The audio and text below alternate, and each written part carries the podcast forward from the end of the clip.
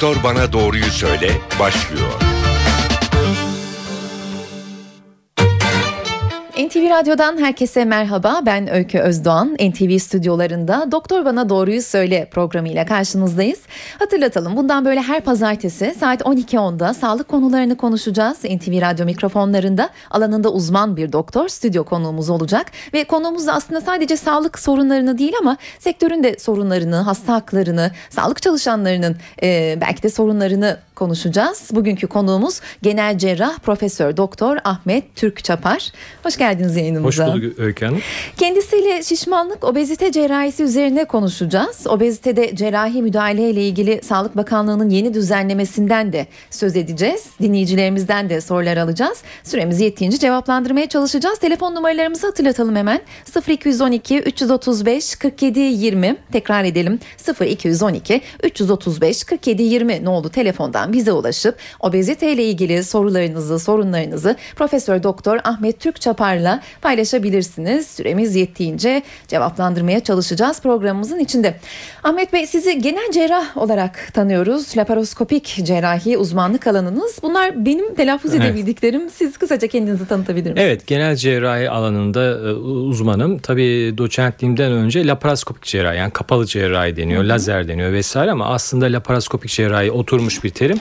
E, spesifik çalışıyorum. Başka ameliyatlar yapmıyorum. Yani bir genel cerrah tiroid ameliyatı da yapar, işte kalın bağırsakta yapar, yeri gelir işte e, bağırsakların değişik ameliyatlarını yapabilir ama ben daha çok e, mide cerrahisi, reflü cerrahisi ve şişmanlık cerrahisi ve fıtık cerrahisi üzerinde yoğunlaştım. Tabii 20 yıllık bir geçmişim var laparoskopik cerrahide. Obezite cerrahisi de son 15 yılda yoğun olarak ilgilenmekteyiz.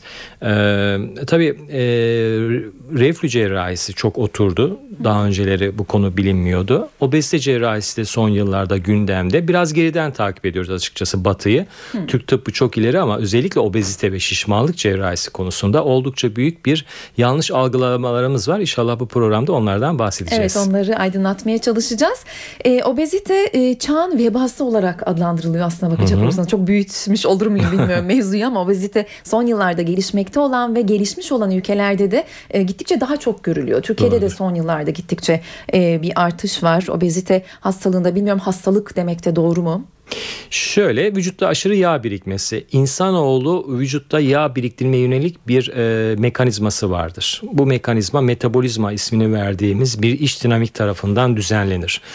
İnsanlar ilk çağlarda 25 yaşında ölüyordu. Dişsiz, dişsizlikten, yemek bulamamaktan, gıdasızlıktan, e, otçul dönemden sonra etçil dönem, et, daha sonra otçul dönem.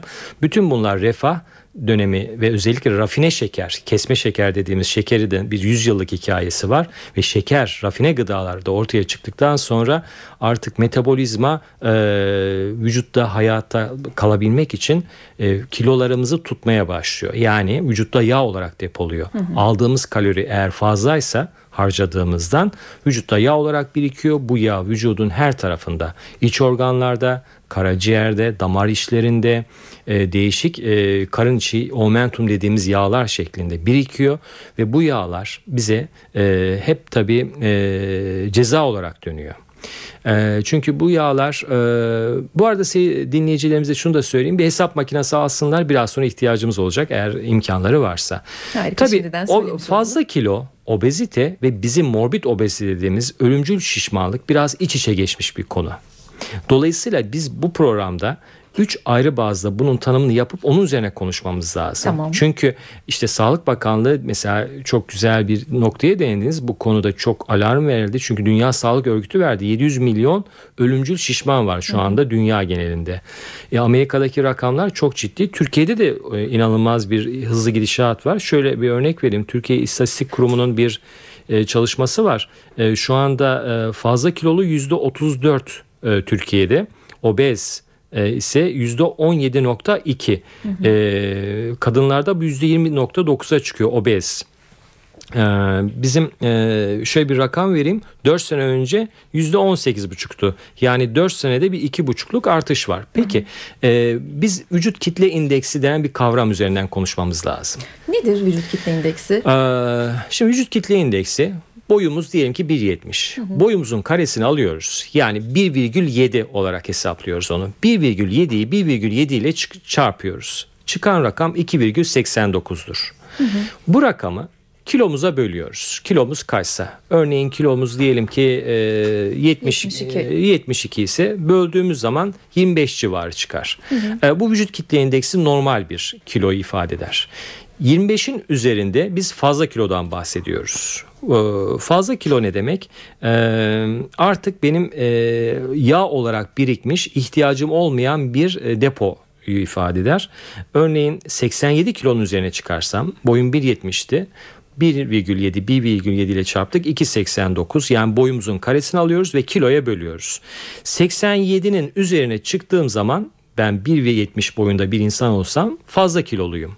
Ee, ama 116 116'nın e, üzerine çıktığım zaman 116'nın e, üzerine çıktığım zaman ise ölümcül morbid obez dediğimiz duruma kavuşuyoruz. Peki 87 kilonun üzerindeki fazla kilolu obezite mi demek obezite, oluyor? Obezite demek oluyor. Orada bir e, yanlış anlama olabilir. Benim hatam olmuş olabilir. 72 ile 87 fazla kilo. Yani 72'nin üzerine çıktığımız zaman fazla kilo. 87'nin üzerine çıktığımız zaman obez. 116'nın üstüne çıktığımız zaman da ölümcül veya hastalıklı morbid obezite diyoruz. O zaman bizi dinleyen NTV Radyo dinleyicileri için tekrar bir orayı e, kaçırmış olanlar olabilir. Boyumuzu e, karesini alıyoruz. Tamam. Çıkan rakamı kilomuza bölüyoruz. Eğer bu çıkan rakam 25'in üzerinde ise vücut kitle indeksi olarak fazla kiloluyuz demektir. Tamam. Eğer 30'un üzerinde ise e, burada artık obezite devreye giriyor. 35'in üzerinde ise yüksek tansiyon, şeker, kalp rahatsızlığı, diz eklemlerinde problem, e, nefes almakta zorluk, gece horlaması, uyku apnesi e, bütün bunlardan herhangi birisi varsa da artık ölümcül obezite başlıyor. Tamam.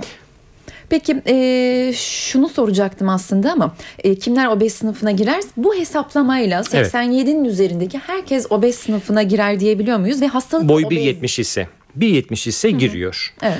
Ee, Burada 87 ile 116 kilo arasında bir geçiş dönemi var. Hı hı. Bu geçiş döneminde e, olan insanlar fazla e, obez olarak yaşıyorlar. Ve bu obezlerin başına neler geliyor? E, bir defa her şeyden önce kalp yükü artıyor. Kalp yükü artması e, kardiyovasküler sistemde yüksek tansiyon olarak geri dönüyor. Ateroskleroz riski artıyor. Karaciğerde yağlanma meydana geliyor.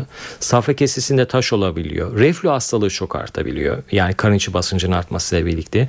Böbrek yetmezliğine eğilim artıyor. Dokuların kanlanmasında mikrovasküler bozukluklar oluyor ve de çok önemli bir nokta hareket sistemi diz eklemleri bu ağırlığı taşıyamadıkları için diz protezi ihtiyacı çok erken yaşlarda olacak şekilde kireçlenmeler ortaya çıkıyor. Evet. Ve en önemlisi gece uykuda bile rahat uyuyup dinlenemiyorlar. Geceleri e, uyku apnesi gelişiyor. Yani e, uyanıyorlar e, terleyerek uyanıyorlar veyahut da dinlenmeden uyanıyorlar çünkü solunum yolları çok darlaştığı için ve akciğer küçülüyor bir önemli noktada o. Bütün bunlar insanın yaşam süresini kısaltıyor.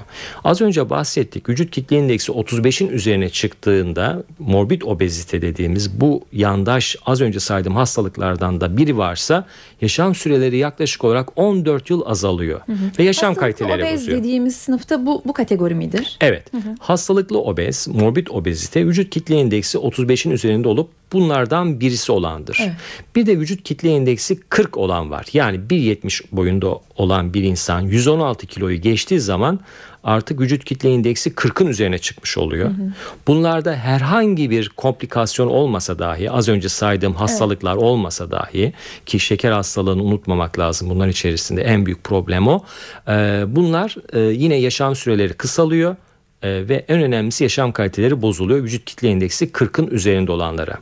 Biz cerrahlar bu noktada vücut kitle indeksi 40 üzerinde olanları ayrı bir e, bize hitap eden bir kesimdir. Ayır, ayırırız. Hı hı. Bir de vücut kitle indeksi 35'in üzerinde olup bir yandaş hastalığı olanları morbid obeziteye dahil ederiz.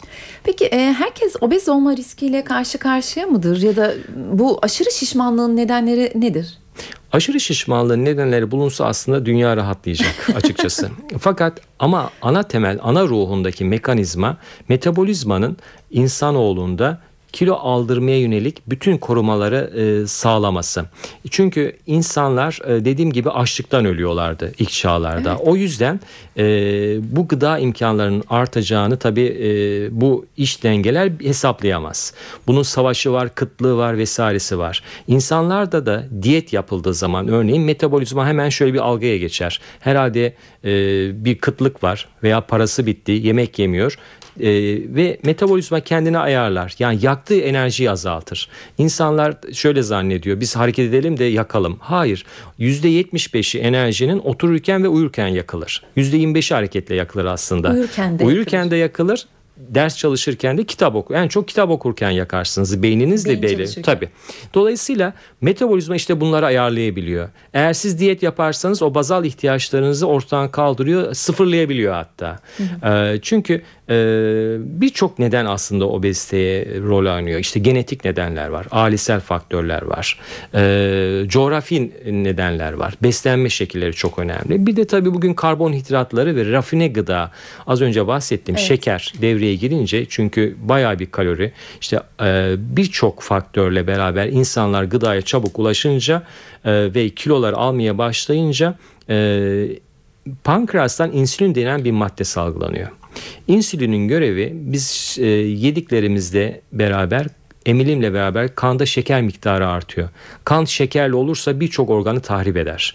Şeker hastalığı çok ciddi bir kronik hastalıktır. İşte obezlerde şeker hastalığı çok çabuk gelişiyor. Nedeni bu insülin denen madde kan şekerini düşürmekle olan görevli olan madde şişmanlarda görev yapamıyor. Bunun nedeni yağ. Yağ şekerin hücre içerisine sokulmasını insülin tarafından engelliyor ve bir insülin direnci gelişiyor. Şişmanlardaki en önemli problemlerden birisi de bu insülin direnciyle beraber ortaya çık- çıkan e, glisemik indeksi yüksek gıdalara karşı olan ilgide artıştır. Evet. Yani akşamları müthiş bir iştah, bir böyle saldırganlık şeklinde çikolataya sarılma.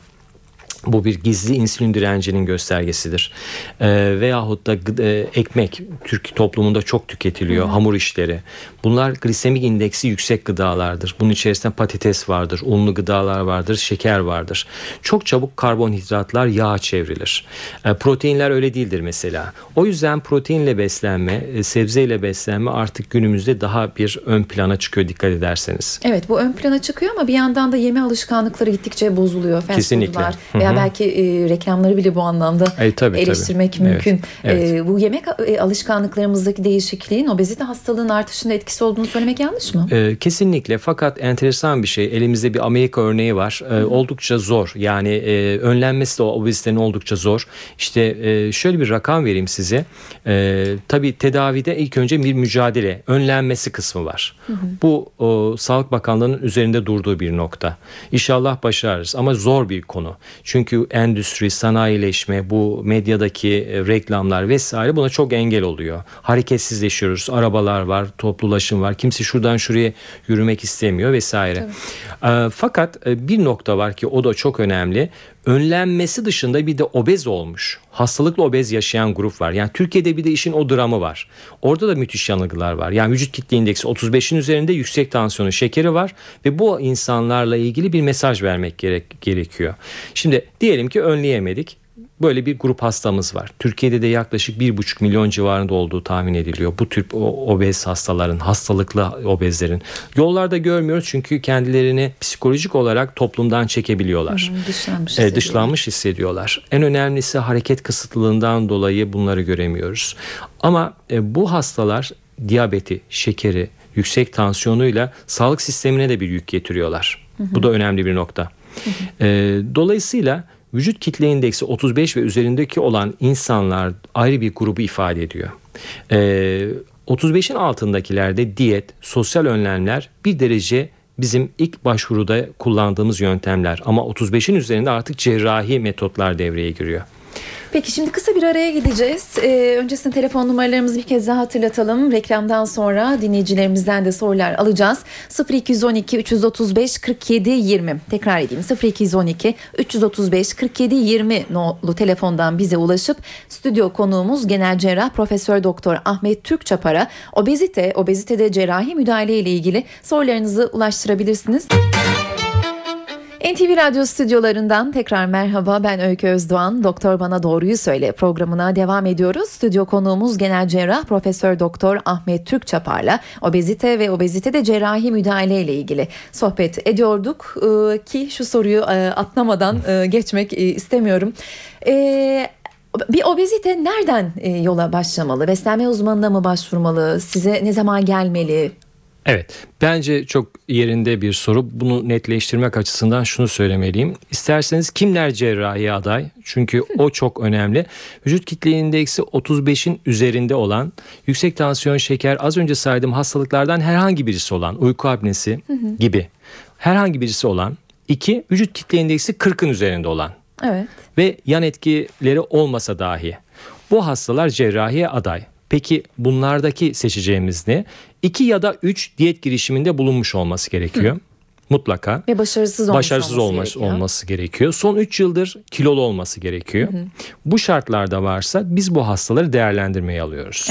Ee, bu değerlendirmeler çerçevesinde eğer e, genel anestezi almasına bir sakınca yok ise bunlara herkesin aklında kelepçe ameliyatı var ama kelepçe ameliyatını son derece azalttık. Hemen hemen yapmıyoruz. Sleeve gastrektomi, bypass ameliyatları, gastrik bypass, gerekirse de duodenal switch dediğimiz bir ameliyat var. Günümüzde tabii bu bilgiler çok oturmuş. Bunlar yeni ameliyatlar değil. 30-40 yıllık geçmişi olan ameliyatlar. Son derece etkin e, ve son derece artık Amerika'da en çok yapılan bir rakam vereyim size. Amerika'daki birinci e, yapılan laparoskopik cerrahi safra kesesi ameliyatı. Yılda 500 bin civarında yapılıyor. İkinci sırada şişmanlık ameliyatları var. Bu Amerika'da e, çok şişman var olduğundan değil. Amerika'da şişman var doğru. Türkiye'de de var. Ama Amerika'da bu cerrahi nosyon oturmuş durumda. E, dolayısıyla bu konudaki bilgiler Dünya e, Sağlık Örgütü olsun, Amerikan Sağlık Enstitüsü 1991 yılında cerrahi dışında bir kalıcı yöntem olmadığını ilan etti. Yani bütün bilim dalları endokrin, göğüs hastalıkları, kalp cerrahinin katıldığı konsensus konferansında 1991 yılında bu hastalarda az önce saydığım grupta sadece cerrahinin etkini olduğunu, diyet tedavisinin, sosyal yaşam değişikliklerin, sporun son derece başarısız olduğunu ki rakamları telaffuz etmekten çekinmeyeceğim. Lütfen. Ee, birinci, ikinci denemelerde başarı şansı maalesef yüzde üçü geçmiyor e, kalıcı kilo vermenin. E, sonuçta da hemen hemen bu denemelerde de ilk 3 diyet denemesinde başarısızlık varsa 4. 5. denemelerde de başarısızlık oranı yüzde e, yüze yakın. Yani sonuç olarak bu hastalar kilo veriyor. Kilo vermede bir sorun yok. Yani 140 kilo olan bir hasta 30 kilo verir, 20 kilo verir. Kilo vermede bir sorun yok. Her diyetle de verebilir ama muhafaza edemiyor. asıl Muhafaza sorunu var. Yaklaşık olarak bilimsel çalışmalar şunu gösteriyor. Az önce saydığım gruptaki hastaların vücut kitle indeksi yani 35'in üzerinde olanlarda 2 ila 3 yıl içerisinde hastaların %97'si tekrar kilolarına dönüş, geri dönüyorlar. Bu çok e, ciddi bir başarısızlık.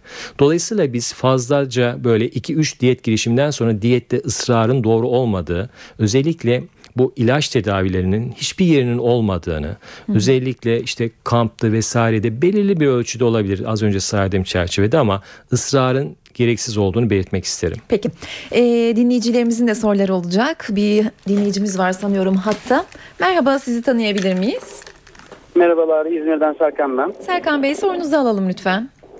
Ee, Ahmet Bey'e şunu sormak istiyorum. Şimdi yaptığı hesaba göre ben hesap makinesiyle yaptım. Ee, 31 çıkıyor. Yani 30.69 yaklaşık 31'e yakın. Ee, fakat e, ben yıllarca spor yaptığım için benim kilomun büyük kısmı e, kas dokusu ve e, abdominal bölgede bir birikim var. Yani karın bölgesinde bir yağlanma var. E, Türkiye'de hani bu hesabı yaparken çok doğru bir sonuç verir mi? Çünkü e, birikim sadece abdominal bölgede olduğu için bilmiyorum yani ben kendimi Evet. mesela kilo Ee, çok yerinde bir soru. Doğru izleyicimiz. Ee, bel çevresi de burada önemli ama tabii e, takdir edersiniz radyo programında bunları da versek kafa karışıklığı olacak. O bilim dünyasında tartıştığı bir konu. Yani bel çevresi de çok önemli. Çünkü morbid obezite dediğimiz hastalıkların esas çıkışı onunla indeksi. Yani siz bir 130-140 kilo seyircimiz gibi bir hasta olabilirsiniz ama bu kas kitlesi ise siz obez değilsinizdir. Programın girişinde belirttiğim gibi vücutta yağ toplanmasını kastediyoruz. 31 zaten bizim konumuz fazla kiloluya e, obeze giriyor. E, dolayısıyla seyircimizin dediği gibi bel çevresinde çok önemi var. Peki. Ee, Bir dinleyicimiz daha var hatta. Buyurun sizi de tanıyalım lütfen. Merhabalar, e, iyi günler. Ben İstanbul'dan Veli Topal. E, doktor Bey'e birkaç sorum olacak. Dinliyoruz Veli Bey. E, şimdi az önce Doktor Bey bahsetti. Hani e, sabahları işte e, yorgun kalkma ve terleme vesaire şeyleri söyledi. E, bunların hepsi bende oluyor ama ben bir obezite hastası değilim. Yani boyum 1.72, e, normal kilomda 72-73 civarlarında. Doğrudur. Yani o bu- zaman evet çok doğru. Bu noktada haklısınız. Siz bu konunun e, ilgili alanında değilsiniz. Obezite programının açıkçası. Çünkü birçok neden olabilir. Ben sadece obezlerin yaşadığı bir sorunu anlatmak için söylemiştim. Peki teşekkür yani ediyoruz. bahset- ama bahsettiğiniz şeylerin hepsi bende var. Mesela böbrek taşı. Ama e, obez işte değilsiniz. kalp- Ha, obezite değilim ama Evet. bu, yani bu da acaba herhangi bir e, Onu bir dahiliye doktoruna müracaatınızı öneririm. Teşekkür ediyoruz Veli Bey. Bir dinleyicimiz daha hatta bekliyor. Buyurun sizi tanıyalım lütfen. İyi günler, iyi günler. Teşekkürler. İsminizi öğrenebilir miyiz? Ben İstanbul'dan Arif Altınışık. Arif Bey sorunuzu alalım. Efendim e, Ahmet Hocama bir sorum olacaktı benim de. Dinliyoruz. E, ben şeker hastasıyım. E, dün akşam 510'a kadar yükseldi. Bu ara hep yükseklerde. Obezde değilim. E, 1.75 boyum var. E, 86 kilom var. 84-85 Evet kilom siz var. tip 2 diyabet dediğimiz grupta bir hastasınız. Bizim tabii obezite hastalarının bir kısmı şeker hastalığıyla iç içe yaşıyor ama sizin tip 2 diyabetiniz var. Ee, yine de kilo vermeniz ve endokrinoloji mütehassısına başvurmanız ve takibiniz uygun olacaktır. Teşekkür ederiz yayınımıza katıldığınız için. Obezitede e, cerrahi müdahale ile ilgili aslında bir takım polemikler de var Ahmet Bey öyle değil mi? Kesinlikle. Yani bir, bir kesimde aslında bunun e, belki yanlış olduğunu, belki ilk yöntem olmaması gerektiğini söylerken Sağlık Bakanlığı ile ilgili de bir e, not geçti elime. Sağlık Bakanlığı da e, yanılmıyorsam şöyle kısaca okuyayım. Cerrahi müdahalenin obeziteyle mücadele yöntemi olmadığını, obezitenin neden olduğu bir sağlık riskini ortadan kaldırmak amacıyla yapıldığını bildiriyor. Çok doğru. Bir gerçekten mücadele yöntemi değildir. Yani bir insan obez olmasın diye ameliyat olacak hali yok. Ama bugün için e, az önce de söylediğim gibi e, obezite, morbid obezite, ölümcül şişmanlığı gelişendeki tek cer- e, tedavi yöntemidir, kalıcı yöntemidir. E, ama obezitenin önlenmesinde cerrahinin yeri asla yoktur. Öyle bir strateji de zaten doğru olmaz. Sağlık Bakanlığı demek istediği şey şu. Çünkü bu yanlış algılamalardan yani biraz fazla kilosu olan da bu ameliyatı yaptırmak için müracaat ediyor gibi bir kavram olabilir ama Türkiye'de e, maalesef hem halkımız hem tıp dünyası cerrahi henüz tam bilmiyor. Şu bakımdan bilmiyor. E, son çare değildir.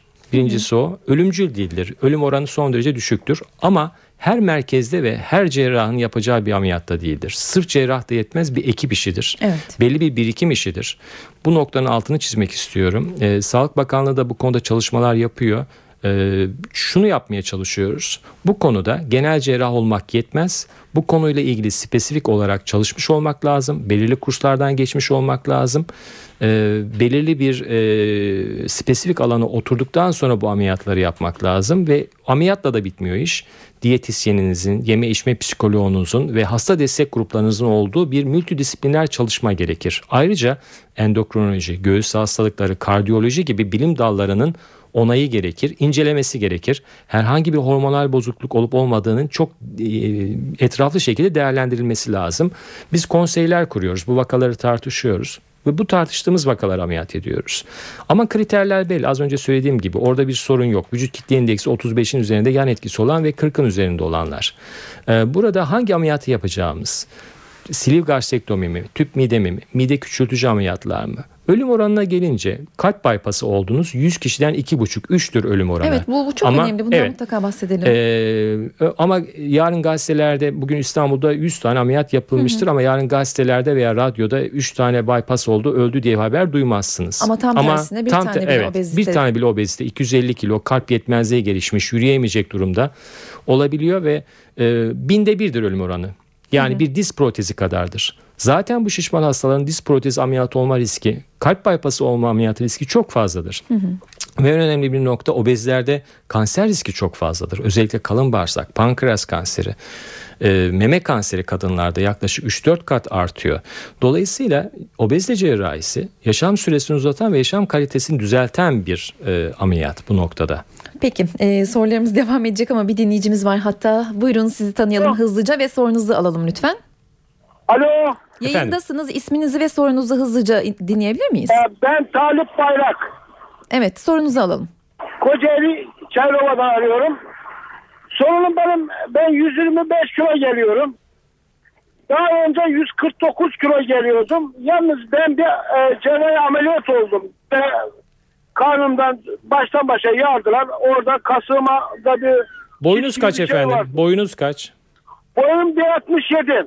Evet. İşte Kestiler, aldılar. Hiçbir ağrısızı çekmedim. Ne ameliyatı oldunuz? Ne ameliyatı oldunuz efendim? Valla e, yardı o kişi aldılar karnımdan. Kaç kilosunuz şu anda? Şu anda da 125 kilo geliyorum. Evet sorunuzu alalım buyurun. Ben şimdi yine aynı ameliyatçı olmak istesem olabilir miyim? Ben bu ameliyatı 4 sene önce olmuştum. Bunun sağlıkla ilgili bir problemi var mı? Yaşım 55.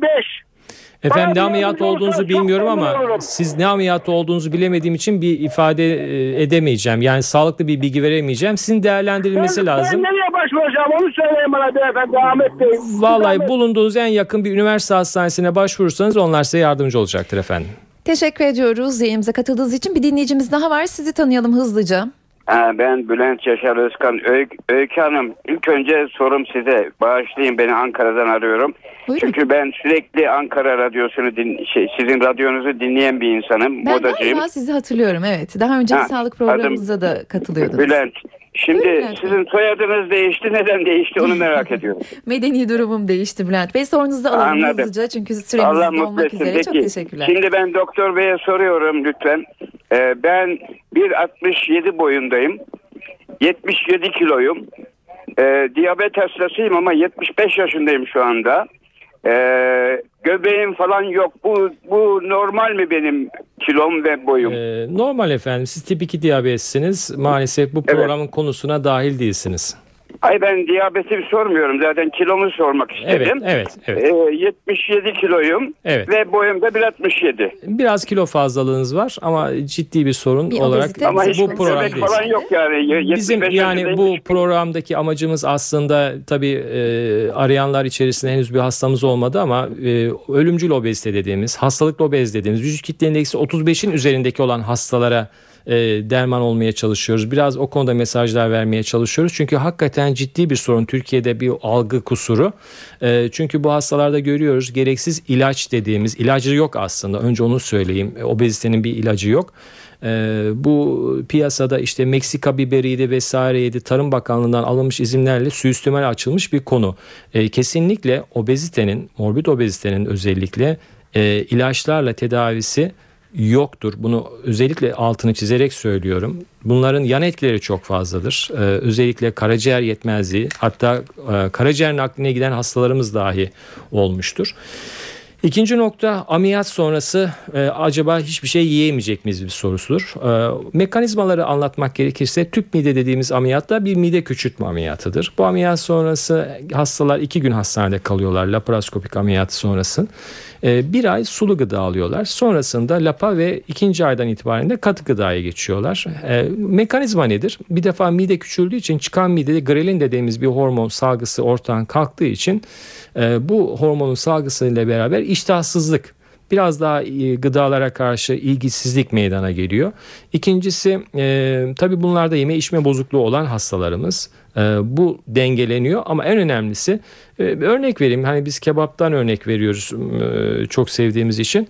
İşte lahmacun 4 tane yiyorsanız bu ameliyattan sonra yarım lahmacun yediğinizde doydum diyorsunuz. Çünkü mide tüp haline geldiği için gerginliği fazla oluyor. Ve bir hormon sinir nervus vagus'tan e, beyne uyarılar gidiyor. Mutluluk hormonu serotonin salgılanıyor. Yani çok az yemek yemekle mide çok çabuk e, e, genleştiği için o hissi aldığı için hastalarımız bize şunu söylüyor. Ameliyat öncesi biz doymak bilmiyormuşuz. Doymanın ne olduğunu bilmiyormuşuz diyorlar. Yani bu doygunluk hissi doğuyor. Yani mutlu oluyorlar. Kelepçede ise bu olmuyor idi. O yüzden terk ettik. Yani hastalar yine canları istiyor ama yiyemiyorlar. Tüp mide öyle değil. Artık doyuyor, tatmin oluyor. Bypass'ta ise mide küçük, hemen bağırsağa geçiyor. Nakil bypass yapıyoruz. Orada da özellikle şeker hastalığı. Biz kilo verdirmenin ötesinde Bakın tip 2 diyabet şeker hastalığı olan bir hastada eğer obezse az önce sardığım kriterler çerçevesinde vücut kitle indeksi olan hastalarda %80 şeker hastalığı ortadan kayboluyor. Bypass ve sleeve gastrektomide ilk bir ay içerisinde hastalarda bu gözüküyor. Yani kilo vermeyle ilgisi yok. Bazı endokrinolojik e, faktörler devreye giriyor. Hormonlar devreye giriyor. İntegrin dediğimiz maddelerin salgısına değişiklik oluyor. Bu tesadüfen bulunmuş bir şey aslında. Mide duodenum ülser ameliyatlarından sonra da fark edilmiş ve çok belki de e, önemli buluşlardan birisi şişmanlık ameliyatları yani kilo verdirmeden o yaptığımız bypass kısımdaki bağırsaklardan salgılanan bazı hormonların etkisiyle şeker hastalığı düzeliyor. Yüksek tansiyon %60 oranında düzeliyor. E, reflü %100'e yakın düzelebiliyor. Diğer birçok özellikle sleep apne, uykuda solunumun durması bütün bunlar e, çok çabuk cevap veriyor. Hastanın yaşam kalitesi düzeliyor. Az önce programa girmeden önce bir hastam aradı. İki ay önce ameliyat ettiğim bir hasta. Tüp mide ameliyatı yapmıştım. Volkan Arslan dinliyorsa selamlarımı ileteyim. Volkan 27 kilo verdi. Karşımda geldiğinde ilk gün ofisimde beni dinlerken uyuyordu. Çünkü e, niye uyuyordu? Uykusuz, dinlenmemiş. Geceleri eşinin deyimiyle dağa tırmanıyor hocam diyor. Terler içerisinde kalıyordu. Şimdi çok da rahat uyuyor. İlk olarak uykusu düzeldi. Şeker hastalığı vardı. O kayboldu. Yüksek tansiyonu kayboldu. Gutu vardı. O düzeldi. İlk iki ay içerisinde bambaşka bir insan oldu. Bu önemli bir değişim. çok Bu önemli. önemli bir değişim. Yani yan etkileri de ortadan kaldırıyor. Komorbite dediğimiz hadiseyi Tamamen kaldırıyor. hayat kalitesi değişiyor. Evet. Şimdi Türkiye'nin sorunları var. İki basamakta var obezite konusunda. Obezitenin bu grubu içerisinde bir e, tıp dünyasındaki sorunlar bir de halkımıza bunun aksettirişindeki sorunlar. Tıp dünyasındaki sorunları biz halletmeye çalışacağız. Yeni yeni genç e, meslektaşlarımızı yetiştiriyoruz. Bu konu artık önemsendi. Bariyatrik cerrahi klinikleri oluşuyor. Bunun düzenlemesi için Sağlık Bakanlığı da büyük katkılar veriyor ve bu konunun önemine eğiliyor. Sonuç olarak uzun bir gelecekte bir batı ayarına yaklaşacağız. Şu anda maalesef tıpta ileriyiz ama bu konuda oldukça geriyiz. Evet, bu konuda- Hala bu ameliyatlar hak etmediği bir değer görüyor. Evet. Ee, maalesef süremizin sonuna geldik. Aslında süreyi de aşıyoruz ama şunları da e, sormadan kapatmak istemiyorum programı. Sağlık Bakanlığı obezite için mücadelede yeni bir düzenleme getirdi. Artık cerrahi müdahale için heyet raporu gerekiyor sanıyorum. Evet o bir mi? pro, gereken bir şey. Yani HED raporundan kastı şu. Vücut kitle indeksi az önce saydığım e, 40'ın üzerinde var mıdır değil midir? Orada bir eksikliğimiz var. Ona itiraz itiraz edilecek bir şey yok aslında. Bütün dünya tıbbının kabul ettiği bir şey. O da düzeltilecek. Vücut kitle indeksi 35'in üzerinde olanları da kapsayacak şekilde olursa bir sorun yok. Oradaki olay şu. Hasta geldiğimiz zaman endokrinoloji, göğüs hastalıkları yani ameliyat olabilir mi, akciğerinde bir sorun var mı, kardiyoloji gibi zaten yaptığımız konsültasyonlarda onların yazıya dökülmesi. Son olarak şunu sorayım. Cerrahi müdahale obezitede pahalı bir operasyon mudur? Ee, düşük gelir düzeyindeki e, obezler de bu ameliyatlardan faydalanabilir mi? Veya e, devlet tarafından karşılanıyor mu bu ameliyatlar? Evet evet Ee, ameliyatlar devlet tarafından karşılanabiliyor. Ama bazı sıkıntılar da var. İşte malzemeleri çok pahalı bir yani sonuçta bir teknoloji ağırlıklı bir ameliyat. Laparoskopik ameliyatlar.